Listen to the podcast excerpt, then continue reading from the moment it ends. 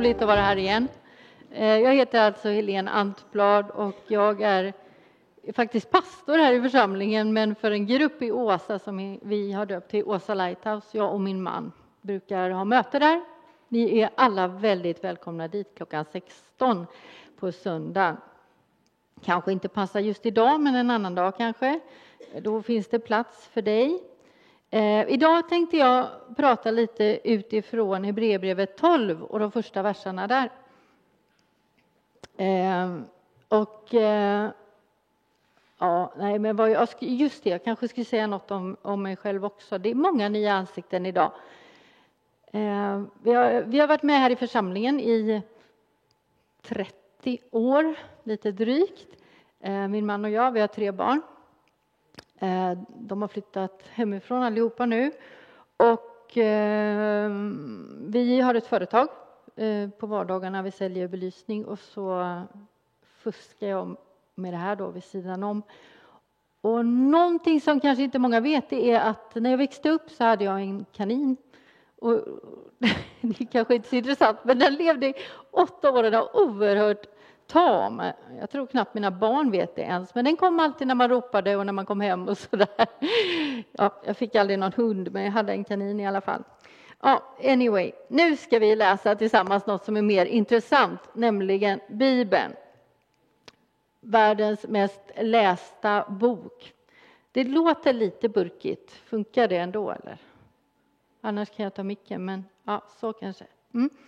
Okej, okay. Hebreerbrevet 12 och så de första verserna där, 1 4.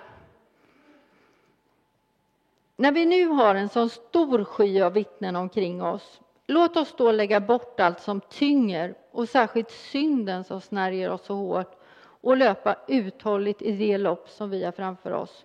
Och låt oss ha blicken fäst på Jesus, trons upphovsman och fullkomnare.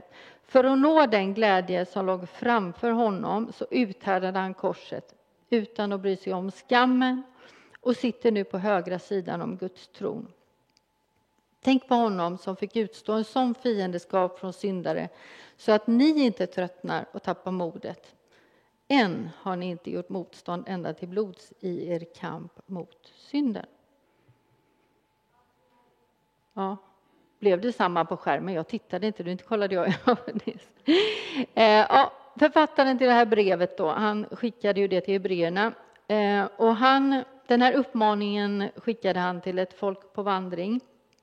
Och eh, när jag läste lite om texten så den här skyn av vittnen och lägga bort allt som tynger och det där.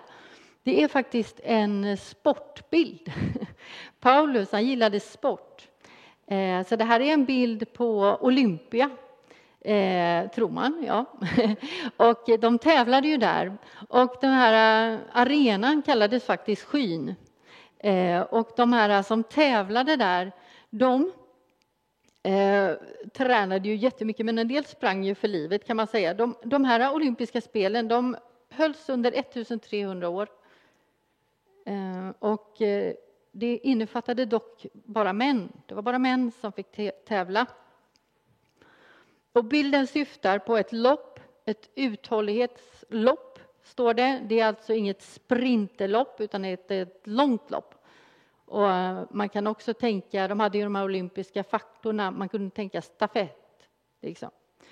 Och jag tänker att eh, eh, med det här stafettloppet och stafettpinnen i tanken så kan man också prata om det som vi ska tala om lite idag, att en, att någon går före och någon kommer efter.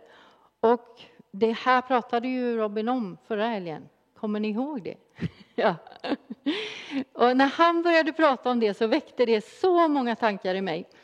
Så jag började fundera redan då i bänken där att det här vill jag fortsätta prata om nästa söndag. Och sen när jag hade skrivit min predikan på tisdagen då såg jag att han hade lagt ut det på brevet. En del får ju månadsbrevet Får ni inte det så får ni skriva upp er på listan.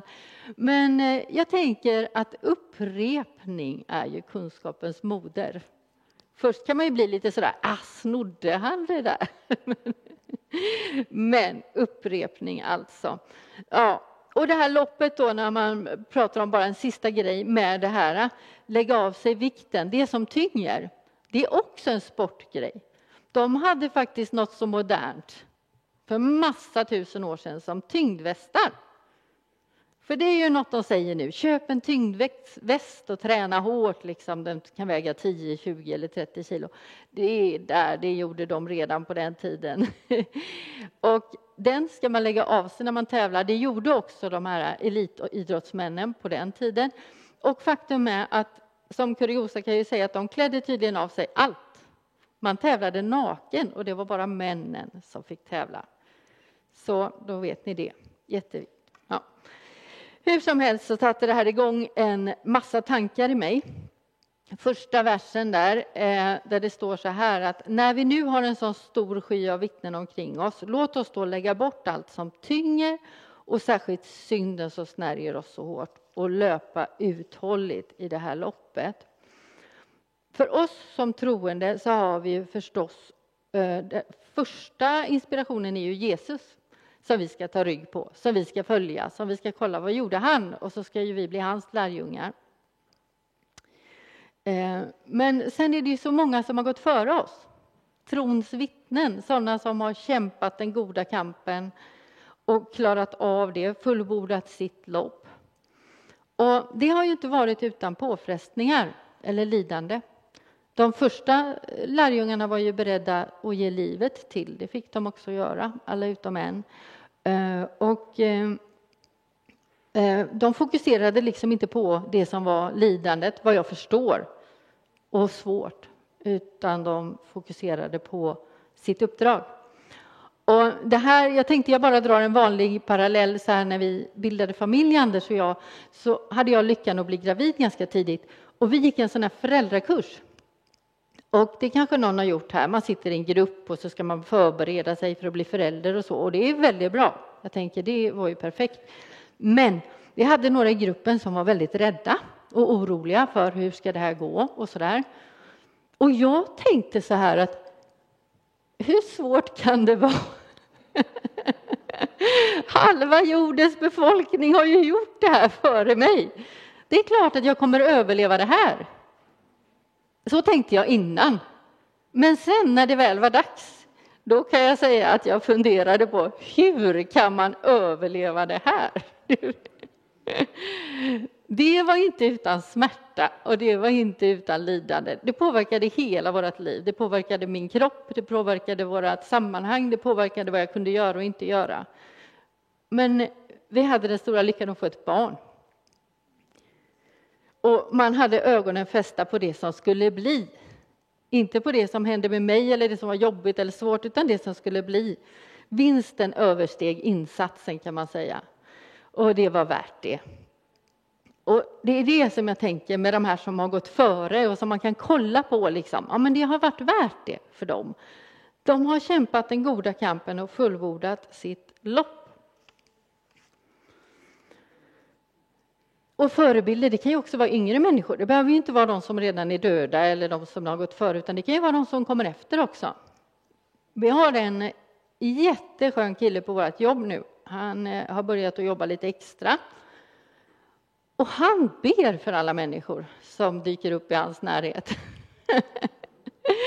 Det kom någon häromdagen till lagret som skulle hämta något och eh, när vi hade hjälpt honom lite där och gått in till vårat, nej då satte han igång och be för honom, pratade med honom och välsignade honom. Och ah, en chaufför som kom och lämnade grejer halta, nej då sprang han fram till honom. Kan inte jag få be för ditt ben? eh, jo, ska bara lasta av här först. Eller så när jag körde honom och några till till tåget i veckan här så satt några på, ja det gör det ju i vänthallen ibland, det satt någon, två tolvåriga killar som skulle spela, de skulle träna på Geis, de skulle träna på Geis. Och då eh, så började han att prata med dem och så frågade han, vill ni ha den helige Ande? Eh, han ställde sig och bad för dem och den ena killen, han blev så berörd. Han blev så berörd och han kände Guds närvaro. Och han var så glad efteråt för att en av killarna i sällskapet, de var tre stycken, hamnade i samma kupé som de efteråt. Och de stod där och snackade. Oh, du vet, vad häftigt det här var, undrar vad det var. Ja, jag undrar också vad det var, men det kändes ju som det var något, det var nog Gud, säger den ena. ja, så, sådana som är yngre, för han är yngre än vad vi är, han kan också vara förebilder. Sen var ju då uppmaningen att för att kunna göra det här loppet så skulle man lägga bort det som tynger. Och framförallt synden. Synden som snärjer oss så hårt. Eh, och det var ju lite mer handfast ändå, tänkte jag. Det är lite mer att ta på sådär. Lite, ja. Och det finns bara uppmaningen lägg bort den. Och jag har tittat på många ställen i Bibeln, parallellställen. Lägg bort synden, för den tynger. Och eh, då tänker vi, vad är synd då? Ja, men det är sånt som inte behagar Gud, sånt som inte gör att vi kommer närmare honom, sånt som står i vägen mellan dig och det som du är tänkt att vara. Och eh, vi har ju även där några exempel på folk som har fått lägga bort eh, som eh, beroenden som de lever i. Bland annat alkohol eller droger och sånt. Och det är en sån oerhörd glädje Alltså när jag vaknar på morgonen, när jag vaknar på morgonen, säger en av de här då som vi har pratat lite med, alltså det, jag har fått ett nytt liv. Varje morgon. Det är ett nytt liv. Det är inte utan kamp. Han får välja det igen och igen och igen. Men den synden tynger hårt. Och eh, det står så här att Jesus han tog all synd på korset när han dog och att vi får lämna den till honom. Så i bön så kan vi få lägga det som tynger till honom och han har dött för det. Han har gett sitt blod för det, han har gett sitt liv för det, för att du skulle kunna gå fri, för att du skulle kunna gå in på din bana, på ditt lopp. För alla har vi ett lopp att löpa och vad är ditt lopp kanske du tänker?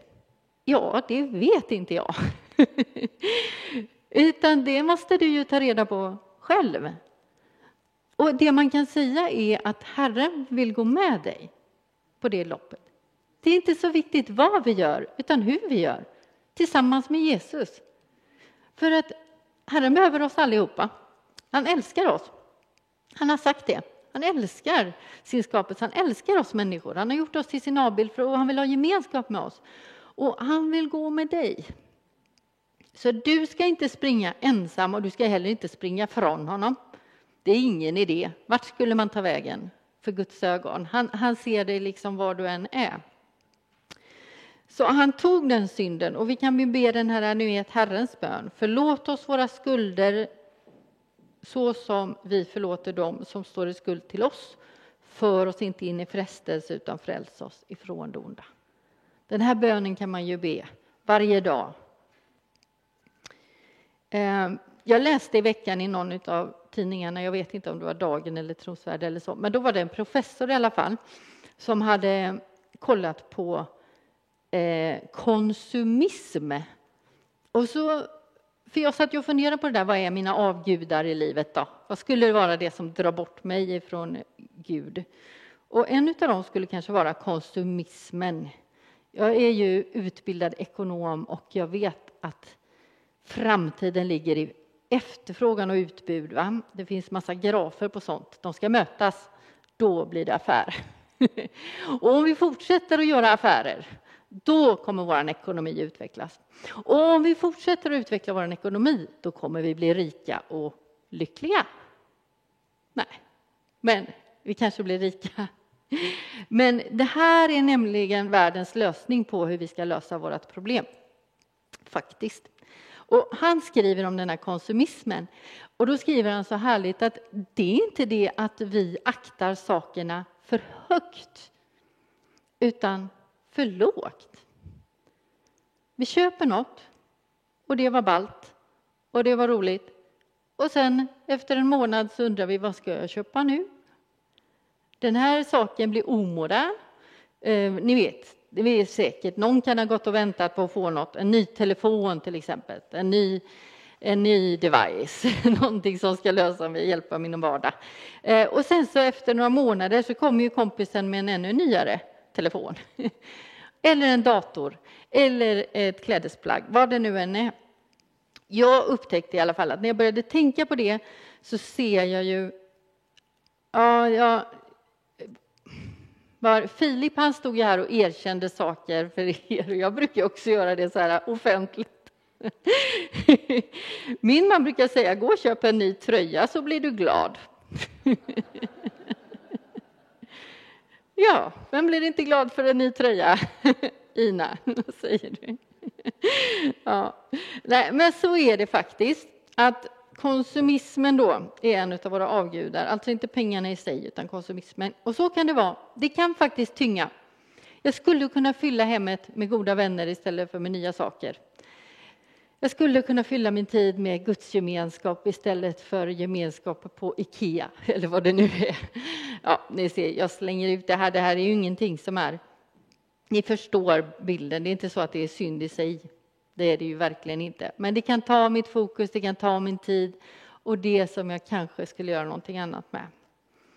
Ehm, då kommer jag lite till det här att lägga bort saker. Då kommer man ju, hamnar man i det här enkelt, att något är lite enkelt. Jag tror att det finns fler här inne med mig som längtar efter enkelhet. Någonting som är lite avskalat, något som jag förstår mig på. Ehm, det finns en eh, bok som heter Löparens hjärta och nu finns det en dokumentär som heter Husdrömmar. Och där i finns det en löpare som heter Marcus Torgeby som är från Hönö Öckerö. Någon som är från öarna som vet vilken det här killen var? Nej. Han i alla fall upptäckte tidigt att han var bra på en sak. Han var duktig på att springa. Det upptäckte han redan när han var 8-9 år. Eh, så han, när han kom upp, han berättade i boken då, att han brukade reta de som gick i sexan som var lite större. Och sen sprang han. Och han sprang alltid ifrån dem. Och han var så nöjd över det. Det var många saker som han inte var lika bra på i skolan till exempel. Så han satsade på det han var duktig på, nämligen löpningen. Han sprang ut med klipporna, han sprang ut med hela ön runt så här och snabbt. Och det här såg ju de i skolan och någon gympalärare tillsammans med någon tränare tänkte att den här killen, honom fångar vi upp. Så det gjorde de. Och de satte honom på banan och han skulle få löpa och vinna priser och grejer. Men det visade sig att han var inte så bra på det. Han var bra på att springa när han ville, när han kunde och på sitt sätt. Men när någon skulle tala om för honom att nu ska du springa det här loppet, oj, den här tiden och så, då visade det sig att han vann inte.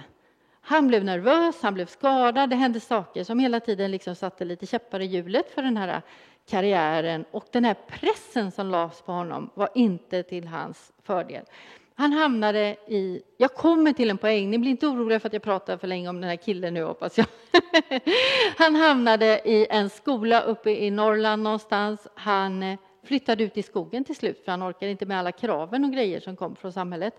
Han bodde i en kåta i fyra år själv, trots att han var mörkrädd, trots att han var rädd för vilda djur i början, så levde han där ute själv. Han behövde det för att hitta sig själv. För han hade ingen livsglädje alls kvar vid den tiden. Han var 20 år. Och då visste han inte vad ska jag göra med mitt liv. Han var tvungen att skala bort allting. Det var det jag tänkte på. Han skalade bort allt för att på något vis hitta sig själv. Och det gjorde han där i skogen. Och han sprang, som han alltid hade gjort. Det var någon bonde som hittade honom. Han fick löpa sådana här lopp uppe i Jämtland och vann ystad ost och sånt. Det var det, var det han, han gjorde på den fronten. Hur som helst, nu är han i någon här husdrömmardokumentären då och han har skaffat sig, ja, han hittade ju på något vis sitt liv om man säger. Eh, och han lever. Idag har han en familj. Och då säger han så här, jag lydde min morfars råd, för han sa på sin dödsbädd så här att Markus, du, är, du har en bra kropp, men ditt huvud är det inte lika bra med. Skaffa dig ett fruntimmer och gör som hon säger. Ja, och det gjorde han. Han hittade ett fruntimmer inte så långt efter det och de gifte sig. Ja, och nu har de en liten familj. Och hon är väldigt förstående, det ser man på den här dokumentären. Hon tar hand om det som han inte tar hand om. Och sen så gör han projekt och grejer. Och i den här husdrömmar så bygger han ett hus. Ja. Och han bär bräda för bräda. Han har tittat och sett att det fanns en som hade ett bärrekord. Den Eskil, tror jag han hette. Ska se, Levi. Levi Andersson. Han bar 90 kilo järnskrot i tre mil. Det var bärrekordet. Och eftersom den här killen är duktig på att springa så tänkte han, det där, om han kan så kan jag. Och nu när han har byggt färdigt sitt hus så har han burit två och ett halvt ton i fem mil. Så, eh, och så säger han så här, jag, när jag hörde den här historien då ville jag prova om jag kunde klara det.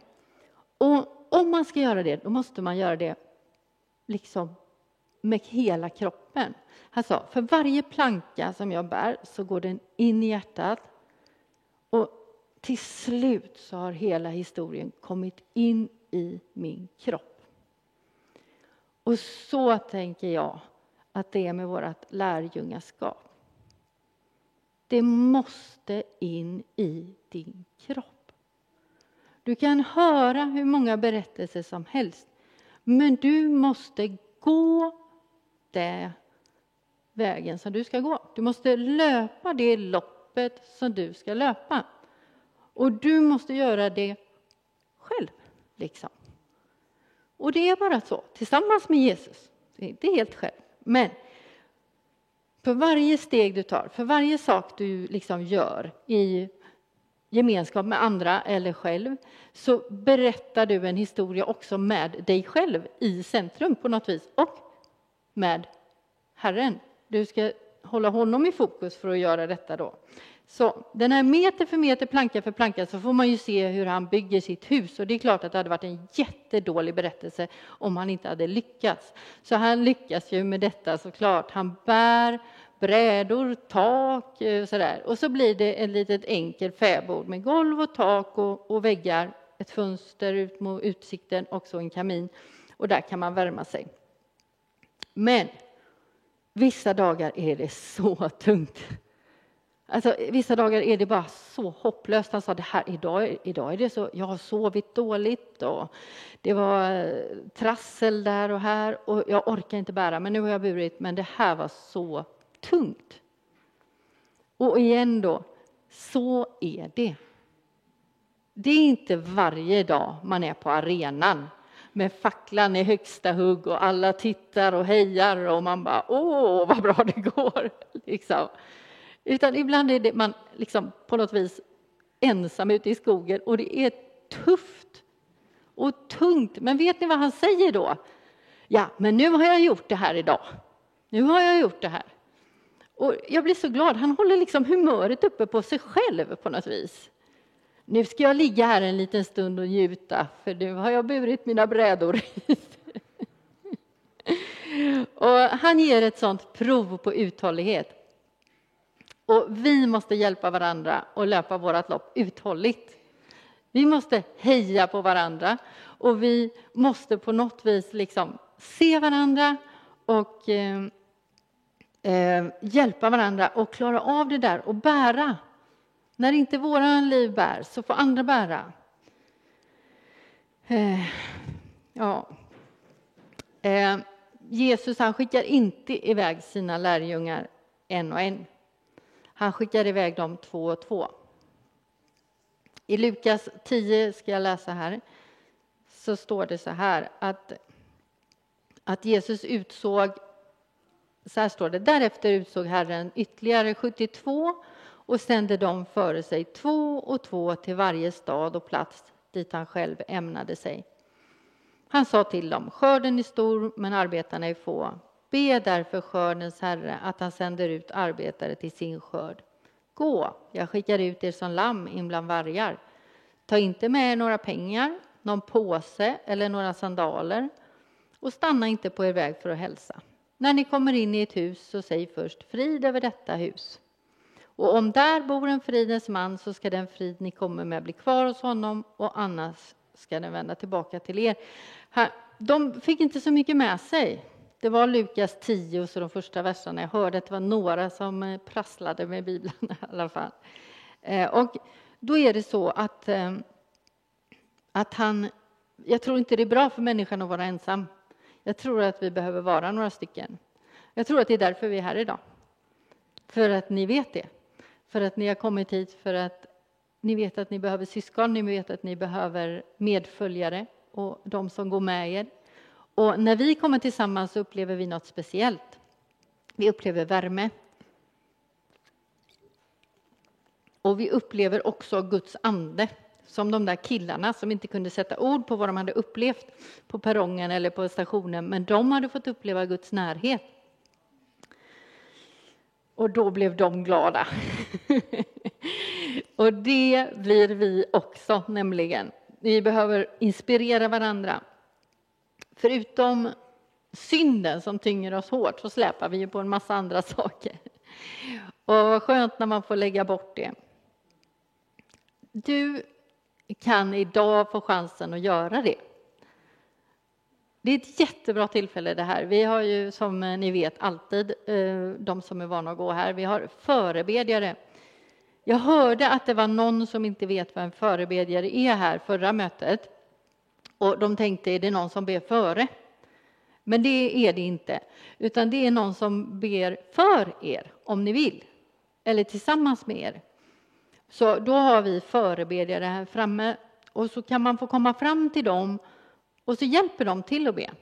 Om man är ovan, om man inte hittar orden och kanske vill man bara bli välsignad idag. Man kanske bara vill att någon ska välsigna en. Och det pratade ju Filip om vad det är, att bli välsignad. Också det är att få möta Gud. Och man behöver ju inte vara rädd för det. För Herren, han är nåd och sanning, först och främst nåd. Så nåden kommer före sanningen. Nåden kommer med kärlek och den vill möta dig idag. Så det finns en öppen famn för alla som vill. Och du kan bara be en bön. Man kan göra det där man sitter. Ibland är det skönt att göra det tillsammans med någon. För Herren är inte heller mer än en bön bort. Så jag tänker att du kanske funderar på ditt lopp. Vad är det jag ska göra? Vad är det inte jag ska göra? Det viktigaste är ju med vem du löper. Med Herren själv. Och vem du blir då. Det är inte om du ska gå dit eller hit eller så. Men en sak kan jag säga det, att det kommer inte fungera att gå på två vägar samtidigt. Det blir lite som när man har två stegar så här, ni vet sådana här stegar som står så. Och så står man i mitt emellan och så ska man gå på den stegen och så ska man gå på den stegen och den. Och ju längre man kommer på vägen, ju mer isär går de här vägarna. Luta dig mot Herren. Det är det som håller. Han är den som liksom man kan luta sig mot och som står kvar. Har du hamnat i ditt lopp på sidan av, i vägkanten kanske? Ja, men be någon dra upp dig. Eller om du orkar själv, res dig upp och gå på den här vägen framåt. Och så när vi har trons upphovsman och fullkomnare för blicken, då händer det något också. Det händer någonting. Vi får bort perspektivet från oss själva och tänker på allt det där som vi kämpar med eller det som är svårt eller det som vi inte har gjort bra kanske. Och så tittar vi på honom och så, och så kan vi liksom ah, sträcka oss lite framåt så här. Min sista bild är, det var faktiskt Anders som hade ett inspirations, han en inspirationsvideo med den här kristna skådespelaren Denzel Washington han höll ett tal och så sa han så här. Jag vill ramla framåt.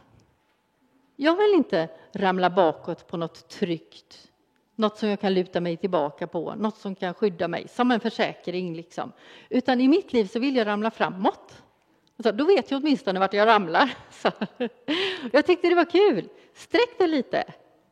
Ja, men framåt så. Kolla på de som har gått före. Ja, men de klarar ju det här. Och så kan man utmana sig själv och få lämna det som tynger lite.